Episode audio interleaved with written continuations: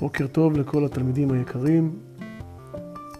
מקווה ששלומכם טוב. יישר כוח לכל התלמידים שהצטרפו אלינו אתמול, יותר נכון היום, היום בערב.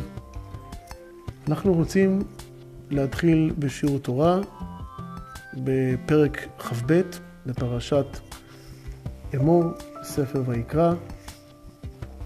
בפרק שלנו יש בעצם חמישה נושאים עיקריים. יש לנו כהן טמא שאסור לו לאכול קודשים, קורבן שנקרא קודשים, כבר דיברנו על זה בעבר. יש לנו גם נושא שנקרא איסור אכילת תרומה לזרים. יש לנו עוד נושא שנקרא איסור הקרבת בהמות עם מום, שיש להם מום. ויש גם איסורים נוספים שנוגעים לקורבנות, וגם מצוות קידוש השם. וכן להפך, האיסור על חילול השם. אומרת התורה בפרק כ"ב, פסוק א', וידבר השם אל משה לאמור. הפסוק הרי זה חוזר הרבה פעמים בתורה, וידבר השם אל משה לאמור.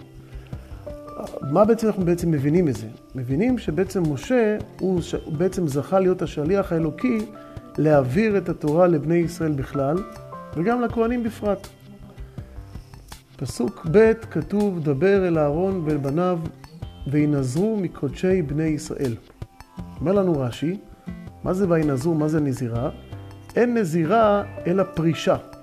יפרשו מן הקודשים בימי טומאתן. כלומר, הקדוש ברוך הוא מזהיר את הכהנים שבזמן שהם טמאים, הם יימנעו שלא יאכלו אכילת בשר קורבן, כי הרי הכהנים היו צריכים לאכול, היה מצווה, מצווה עליהם לאכול את בשר הקורבנות. עוד נוסיף שבפרשת צו, גם כן שלמדנו אותה, גם כן נאמר איסור אכילת קודשים לישראל בטומאתם. ולגבי קורבן שלמים, התורה חוזרת על איסור הזה, כי היה חשוב, היה מקום לזה לחשוב שמותר לכהן לאכול קודשים בטומאה, מכיוון שזה בעצם הלחם שלו, זה, זה בעצם האוכל שלו. כפי שמותר לכהן בעל מום לאכול קודשים. אבל אומר לנו הפרשן אברבנאל, כי מפני שאמר לכהן בעל מום שמן הקודשים יאכל, הוא צריך לבאר שיהיה זה בתנאי שיהיה טהור. אומרת, שמקדישים את הבהמה לקורבן, כמו שהתורה ממשיכה ואומרת, ולא יחללו את שם קודשי אשר הם מקדישים לי, כשמקדישים בהמה לקורבן, מזכירים את שם השם, אומרים, הרי זה קורבן לאורה, הרי זו קורבן להשם. לכן מי שאוכל קורבן בטומאה, זה כאילו השם ישמור ומחלל את השם. פסוק ג' אמור עליהם לדורותיכם כל איש אשר יקרב מכל זרעכם אל הקודשים ונחתה הנפש ההיא. אומר לנו רש"י, מה זה כל איש אשר יקרב? מה הכוונה, מה משמעות המילים אשר יקרב? אשר יקרב, אומר רש"י, אשר יאכל מהקודשים. כלומר, מי שאוכל קודשים בטומאה, אז הוא בעצם נענש בעונש חמור מאוד שנקרא כרת. אבל רק אם הוא נגע בקודשים, הוא עבר על איסור. אבל, אבל, סליחה, אבל רק אם הוא נגע, אם הוא נגע בקודשים בלבד, הוא עבר על איסור, אבל הוא לא, לא נענש כרת. החומרה של העונש של הכהן הגדול בעצם מלמדת אותנו עד כמה גדולה קדושת הקורבנות. בפסוקים ד' וה' התורה מזכירה בעצם שישה סוגים של טומאה, דיברנו על חלק מהם, צרוע, זב, הנוגע באדם או בחפץ שנגע במת, אדם שיצא ממנו טומאה, אדם שנוגע בשרץ מת, או שאדם נגע במשהו שמטמא במגעו. יש עוד מדרגות של טומאה, ולכל טומאה יש בעצם סדרי טהרה שמתאימים לה. רק בסוף סדרי הטהרה, רק בסוף סדרי הטהרה מותר הנטהר לאכול קודשים. זה בעצם בגדול העניין הזה. ופסוק ו', פסוקים ו' וז', אני אומר את זה בקיצור, תכף אנחנו נראה את זה פה, ב... אנחנו נעלה לכם את, ה...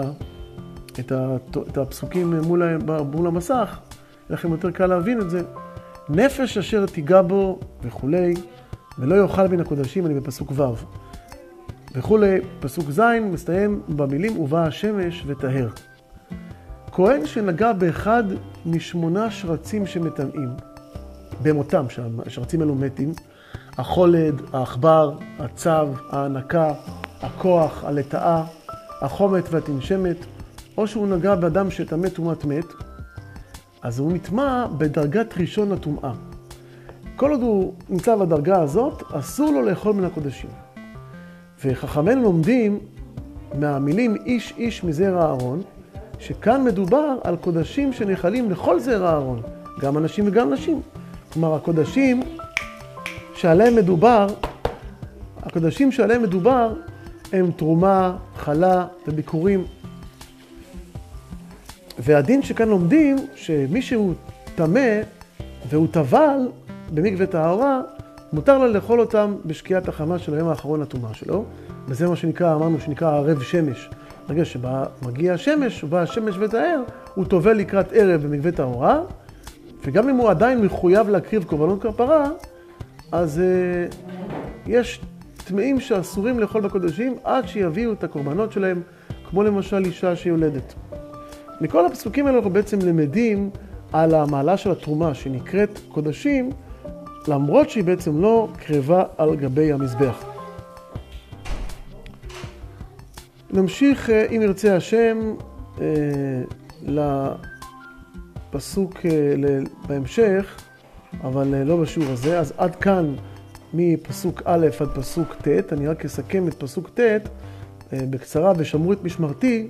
מה זה ושמרו את משמרתי? הכוונה היא שהכוהנים מצווים להישמר מאכילת תרומה כשהגוף שלהם טמא, כמו שאמרנו, כמו שהתורה ממשיכה ואומרת, ולא יישאו עליו חטא, ומתו בו כי יחללו, אני השם מקדשם.